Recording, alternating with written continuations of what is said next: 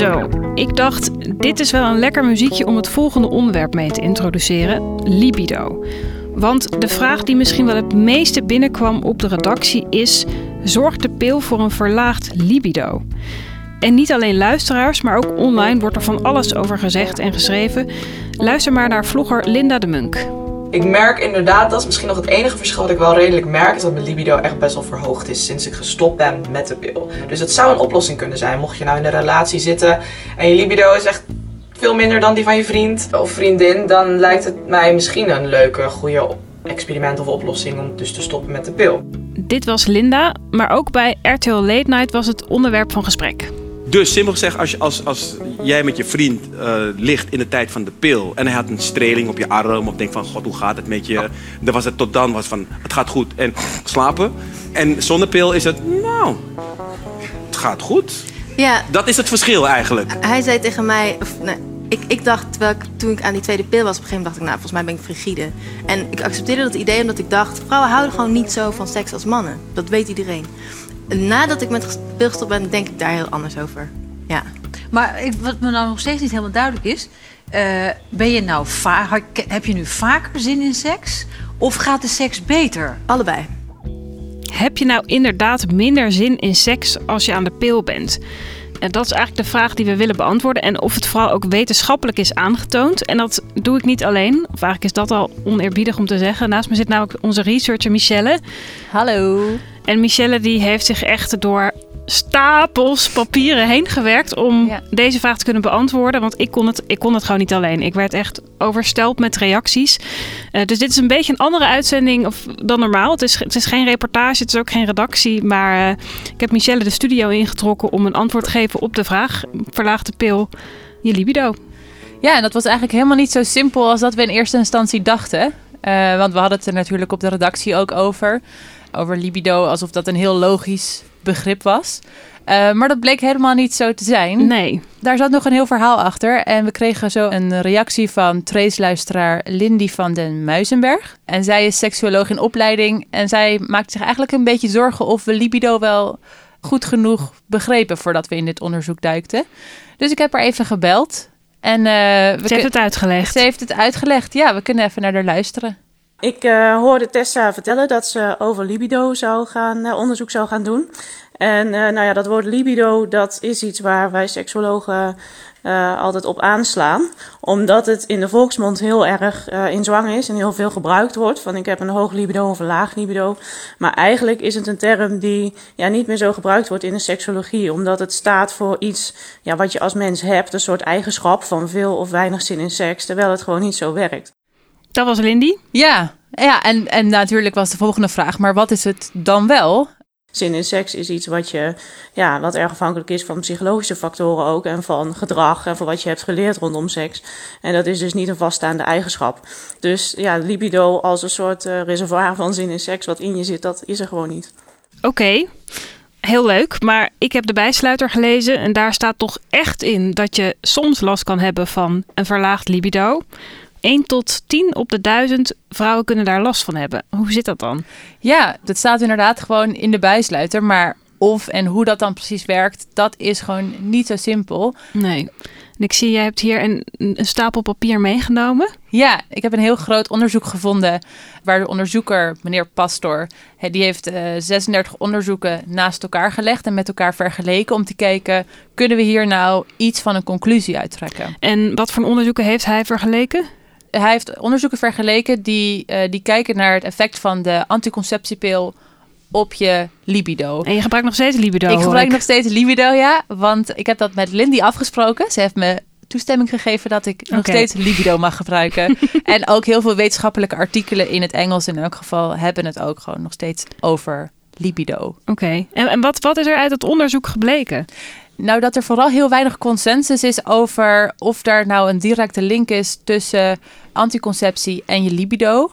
Maar één ding is wel heel erg zeker en dat is dat je testosteronlevel omlaag gaat als je die anticonceptiepil slikt. Oké, testosteron kennen we eigenlijk vooral als het mannelijke geslachtshormoon of het sekshormoon, maar vrouwen die hebben dat dus ook. Ja, vrouwen hebben dat ook, alleen een beetje minder dan mannen.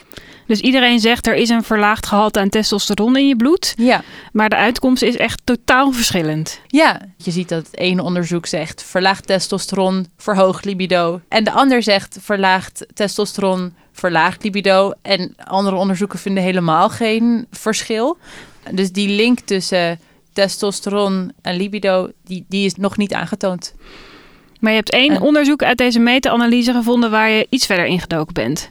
Ja, want de onderzoeker van dit onderzoek ligt één onderzoek uit die niet gesponsord is door een farmaceut.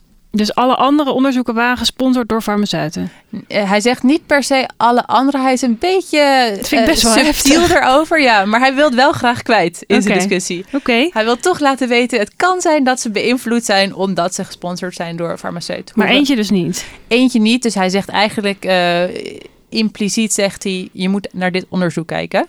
Dus dat heb ik gedaan. En wat kwam daaruit? Ja, is nou, daar het verlossende antwoord in te, in te vinden? Dat is een, is een Duits onderzoek onder 752 medische studenten.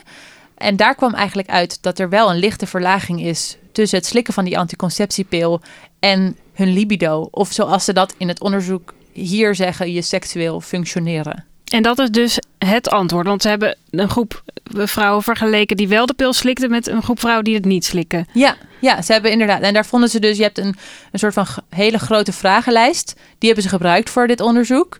En aan de hand daarvan hangen ze een score aan jouw libido. En uh, dan vergelijken ze pilgebruikers met niet-pilgebruikers. En daar zit een verschil in van 1,2. En dat is dus het antwoord. Nou, ik vroeg me dus wel af, wat betekent die 1,2 eigenlijk? Want Mhm. het is op een schaal van 36. Betekent dat dan dat je één keer per week minder zin hebt in seks of zo? Mhm. Dus ik heb, ik heb met verschillende seksuologen gebeld en, en hun ook gevraagd, wat moet ik hier nou uit begrijpen? Ja. En zij vertelde me dat het wel in de veilige zone zit. In de, in de goede zone. In de goede zone. In de goede zone waar, waar het nog allemaal goed gesteld is met je seksueel functioneren, met je libido. Want als je heel laag scoort, dan, dan zou je wel mogelijk een probleem kunnen hebben. Ja, precies. Oké. Ja. Maar hoe zit het dan? Want ik vraag me toch af. Dan kom ik weer met die bijsluiter. Daar staat in 1 tot 10 op de 1000 vrouwen kan eh, last hebben van een verlaagd libido. Eh, Linda de Munk die had het erover in haar vlog. Eh, Bij RTL Late Night werd het besproken. Zit het dan bij vrouwen tussen de oren? Is het, is het echt? Ja, dat, dat vroeg ik me dus ook af. Want er zijn, je hoort het heel erg veel. En het verschil is heel erg klein. Dus hoezo hebben zoveel vrouwen er last van? Dat heb ik aan Lindy gevraagd.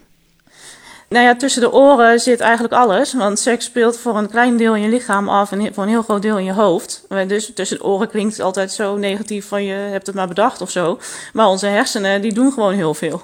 Dus eigenlijk zit het hele functioneren van de mens bijna tussen je oren. Ehm, en dit dus ook. De seks is in die zin complex dat het voor een heel groot deel ook afspeelt in hoe jij er zelf naar kijkt, wat je erover hebt geleerd. Dus wel tussen je oren, maar dat wil niet zeggen dat het onzin is of dat het niet waar is.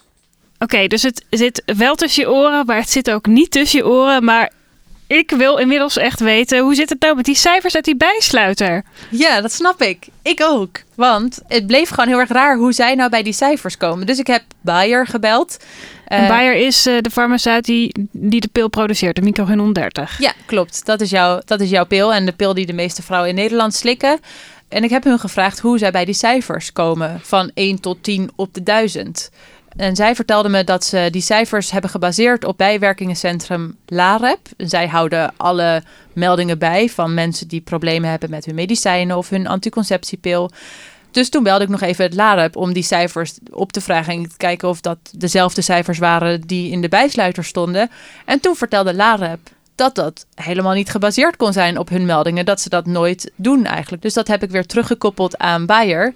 En die zijn er inmiddels al een paar dagen mee bezig om te kijken hoe dat nou precies zit en op, op, op basis van welke cijfers ze dit, eh, dit in de bijsluiter hebben gezet. Dus dat is nog even afwachten. En daar Ja. kom ik wellicht in de volgende redactie op terug. Oké, dus de conclusie is eh, over die cijfers die in de bijsluiter staan, daar komt Bayer later op terug. Eh, die kunnen ze nu nog niet verklaren. En in de huidige wetenschappelijke literatuur is er eigenlijk geen duidelijk verband aangetoond tussen ofwel de pil en libido of testosteron en libido. Nee, Behalve dan dat Duitse grote onderzoek waaruit bleek dat de pilgebruikers wel iets lager scoorden als het ging om hun seksueel functioneren. Maar dat was zo'n lichte verlaging. En bovendien zaten ze in de veilige zone. In de veilige zone. Ja, en uiteindelijk, zoals Lindy zei, ligt het gewoon aan veel meer dan je testosteronlevel of die anticonceptiepil. Maar kijk er wel naar, naar die anticonceptiepil. Maar kijk ook naar al die andere dingen die ermee te maken hebben. Want uh, of je rookt, heeft er bijvoorbeeld wat mee te maken hoe lang je relatie al is. Oké. En of je überhaupt wel weet waar je zin van seks in krijgt. Geen verband dus vooralsnog. Uh, super bedankt Michelle voor de mega hulp. Want ik had het dus in wat ik al eerder zei, ik had het niet in mijn eentje gekund. En uh, we duiken nog in een aantal andere vragen. En die ga ik in de volgende redactie uitleggen. En ben je nou echt super benieuwd naar al die artikelen die Michelle doorgeploeterd heeft? En wil je die test ook doen? Kijk dan even in het i'tje, want daar hebben we ze allemaal ingezet.